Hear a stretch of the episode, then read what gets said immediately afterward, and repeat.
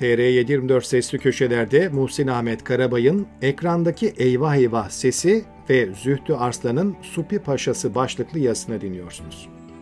Bugün birbiriyle ilgisiz gibi görünen iki konudan söz edeceğim. Önce ikinci konuyu yazayım. Cumhur İttifakı'nın Cumhurbaşkanı adayı Tayyip Erdoğan dün akşam canlı yayında fenalaştı ve reklam arasına gidildi. Birincisi ise Anayasa Mahkemesi Başkanı Zühtü Arslan'ın Erdoğan'ın bulunduğu ortamda Namık Kemal'e ağır ceza yerine beraat kararı veren Supi Paşa'dan bahsetmesi. Bugüne kadar başka ülkelerde bulunup da seçim kampanyası takip etmedim. Sadece Barack Obama'nın ABD başkanı seçildiği sırada bir hafta kadar Chicago'da bulunmuştum. Asıl amacım seçimleri izlemek olmadığı için o da gözlemden öte bir değer taşımıyor. Bu hatırlatmayı şunun için paylaştım. Türkiye'de seçimlerin rengi son bir ayda belirginleşmeye başlar, son iki haftada tablo netleşmiş olur. Bugünlerde tam bu iki sürenin ortasındayız. Tablo belirginleşmeye başlamış olsa da benim görüşüme göre netleşmiş değil.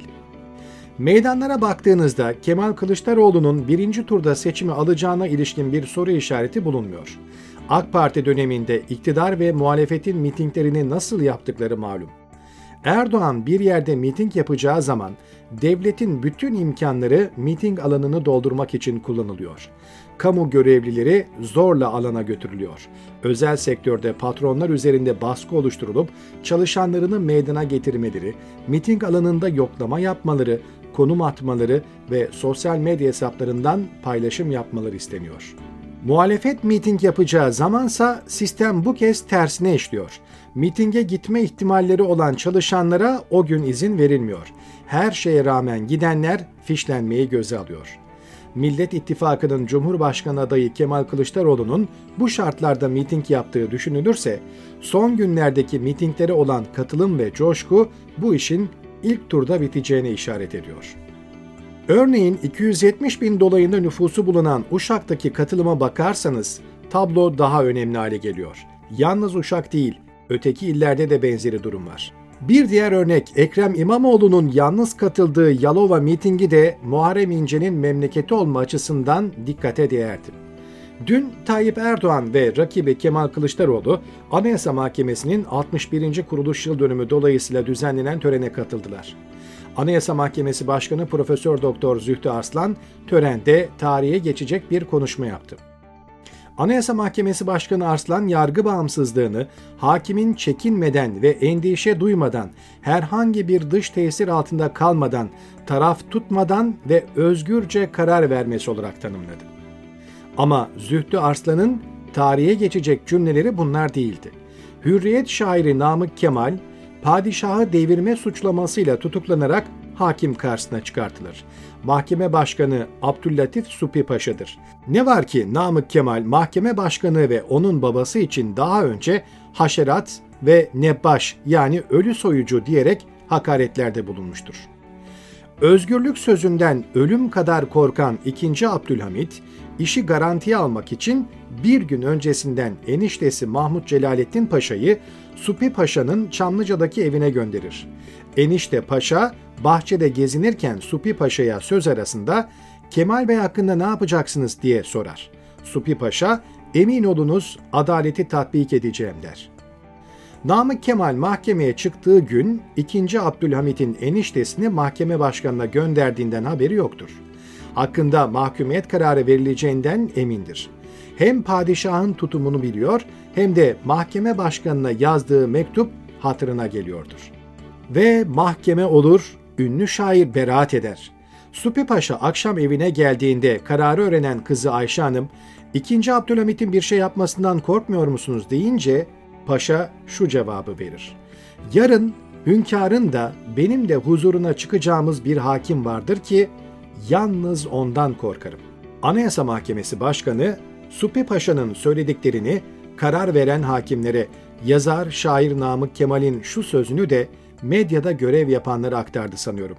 Bulunmazsa adalet milletin efradı beyninde, geçer bir gün zemine arşa çıksa paye devlet.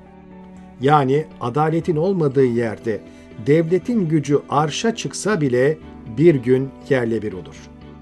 Gündüz senden korkmuyorum diyen Zühtü Arslan'dan bu sözleri dinleyen, meydanlardan da halkın oylarının artık başka yelkenleri şişirdiğini gören Erdoğan'ın moral olarak tükenmişliğini ifade etmeye gerek yok. Akşam Kanal 7 ve Ülke TV'nin Erdoğan'ın katıldığı ortak canlı yayını vardı. İlk sorun canlı yayının başlama saatiyle ilgili yaşandı. Programın saat 22'de başlayacağı duyurulmuştu ancak 23.30'da yayına geçilebildi.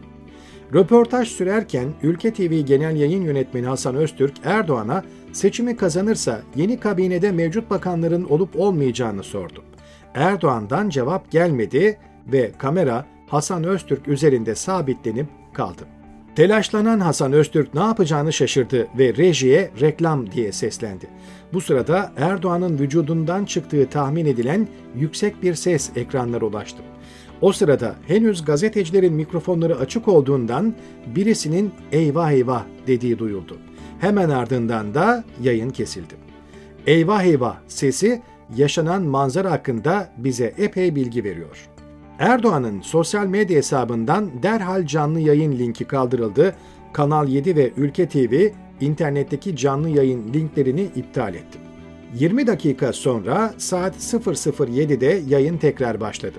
Erdoğan kampanya çalışmaları dolayısıyla midesini üşüttüğünü, programa da duyurusu yapıldığından iptal edilmesi halinde yanlış anlaşılır endişesiyle katıldığını belirtti.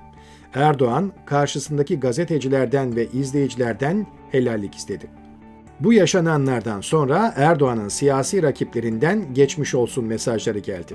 İlk mesajı Ankara Çubuk'ta linç edilmek istenen ve kendisinin arayıp ya da sosyal medyadan geçmiş olsun demediği rakibi Kemal Kılıçdaroğlu yayınladı. Biraz daha geriye gidelim. Erdoğan 2014 Mart yerel seçimleri öncesinde Gülen cemaatine savaş açtığı sırada kendini acındırmak için mitinglere kısık sesle çıkmıştı. Bu fiziki anlamda bir ses kısıklığı değil, yayındaki ses sistemi üzerinde yapılan bir düzenlemeden ibaretti. Çünkü sesi kısılan bir kişinin bir saate yakın süren miting boyunca aynı performansla konuşması mümkün değil.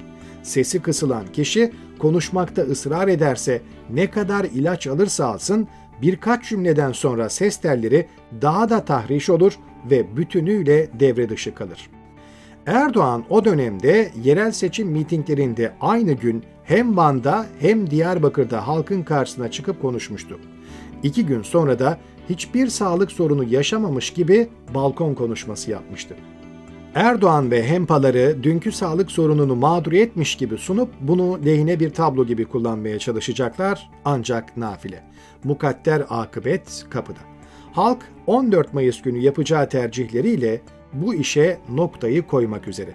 Asıl görev sandığı koruma ve halkın iradesinin yansımasına zemin oluşturma konusunda muhalefet liderlerine düşüyor.